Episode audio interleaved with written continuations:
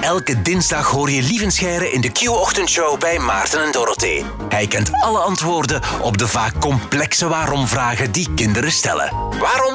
Daarom. Dag lieven, goedemorgen. Een zeer goedemorgen. Hey. Hoe was de herfstvakantie? Eh, winterslaap. Oh ja, herfst. Herfstslaap eigenlijk. Ja, Zo, zo zie je er zo nog een beetje uit. Zo nog een beetje kleine oogstjes, zo wat winterslaperig. Dat is eigenlijk altijd. Nee, dat- Altijd sleepy eyes en just out of bed hair. Eh, proficiat toch ook een beetje met 20 jaar Q-Music. hè? Dat vieren we deze vrijdag. En hoeveel jaar zou jij nu al bij ons langskomen? Toch al Over de veel, week, hè? toch al lang, hè? paar jaar toch. Maar ja, goh, ik begin zo te merken dat de jaren sneller beginnen gaan. Dat is echt zo oude ventenklappen dit. Ja, een beetje, dat- maar dat is niet erg. Ja, als ik zo, als- zo dingen die tien jaar geleden zijn, dat ik denk van, oeh, dat was nog maar pas. Terwijl dingen die twintig jaar geleden zijn, zijn dan iets verder. En dingen die 25 jaar geleden zijn, die zijn een eeuwigheid terug. Ja, ja, ja. Dus Q bestaat nu de helft van mijn leven. Dat is lang, hè? Ja. ja.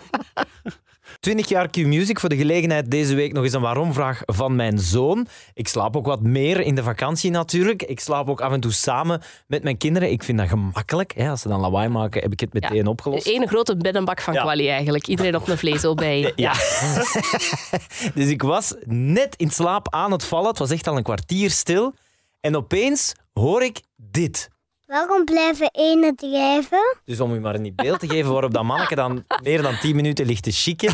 Ik heb, het, ik heb het zelfs beginnen googlen om er gewoon vanaf te zijn, maar ik heb geen afdoend antwoord gevonden. Waarom blijven eenden drijven? Ah, dat zouden we eigenlijk aan een programmeur moeten vragen. Hè? Die weten alles van eentjes en nulletjes. Oh, Ah, prachtig. mooi. Ja, waarom dat is drijven eenden dus? eh? drijven? Ja. waarom blijven eenden drijven? Maar Leon, dat heeft natuurlijk alles te maken met de wet van Archimedes. Volgende vraag. Tot volgende week. Zijn we nog mee met de wet van Archimedes? Niet helemaal. Ja, de wet van Archimedes. Eigenlijk kan ik het simpel uitdrukken. Wanneer drijft iets? Als het lichter is dan water. Dus neem hetzelfde volume als de eend, maar dan in water. Dat zal zwaarder zijn dan de eend. Dat is ook de reden waarom een boot drijft, waarom hout drijft en waarom een steen zinkt. Dus de eend maakt zichzelf lichter. Dat heb ik, eh, daar heb ik een stukje over gevonden toen ik het aan het googelen was van mijn zoon. Ja. Eh, die hebben zo luchtzakken of zoiets in hun lichaam. Dat is inderdaad één van de drijftechnologieën van de eend. Ja. Wij hebben longen, een eend heeft ook longen, maar bij vogels hangen aan die longen hier en daar nog extra luchtzakken die zij gebruiken om lichter te zijn. Waarom wil een vogel lichter zijn? Ah, enerzijds om te vliegen, maar dus bij watervogels ook om te drijven. En dus die eend die heeft in haar buikholte nog verschillende plekjes waar luchtzakken zitten. Ja, eigenlijk een beetje ingebouwde reddingsboei, Ja. zou je kunnen zeggen. Zo bandjes die je opblaast bij de kleutertjes, dat heeft een eend in haar lichaam zitten. Dat is één van de drijftechnologieën. Oké. Eh, Vogels hebben ook holle botten. Ah ja. Nu, niet echt helemaal hol, daar zit een soort draadjes schuim in, maar dus vogelbotten zijn veel lichter dan zoogdierbotten bijvoorbeeld. Vogels hebben veren.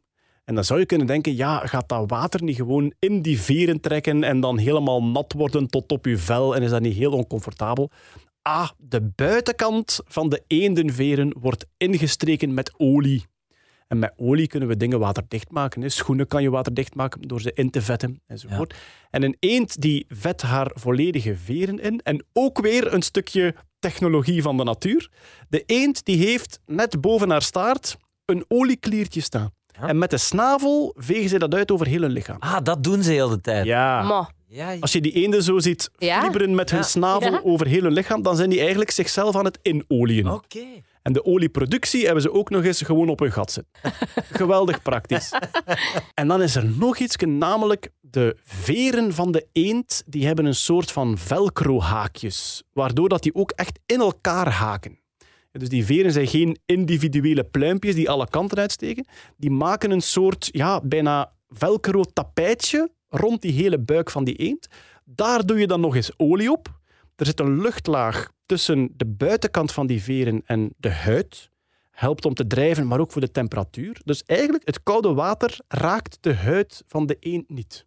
Eigenlijk is het heel logisch dat zo'n ding blijft drijven. Hè? Ja, ik vraag mij af of Leon het ook zou begrijpen. Misschien moet je dat eens testen vanavond of zo. Ah, wel, ik zal het zelf eens oefenen, zodat ik het hem eh, accuraat kan uitleggen. Waarom blijven enen drijven? Een combinatie van technologieën, de holle botten, olie op de veren, de velcro-veren, de luchtzakken En dat is het ongeveer. Hè? En dat is het inderdaad. Ja. En allemaal samen maakt dat de eend licht. En door de wet van Archimedes, als je minder weegt dan het water, dan blijf je drijven. Zo simpel is het. Dankjewel, lieve Scherre. Met plezier. Tot volgende week. Dit was Waarom Daarom. Luister ook naar de andere afleveringen van deze podcast. Maarten en Dorothee hoor je elke ochtend van 6 tot 10 bij Q-Music.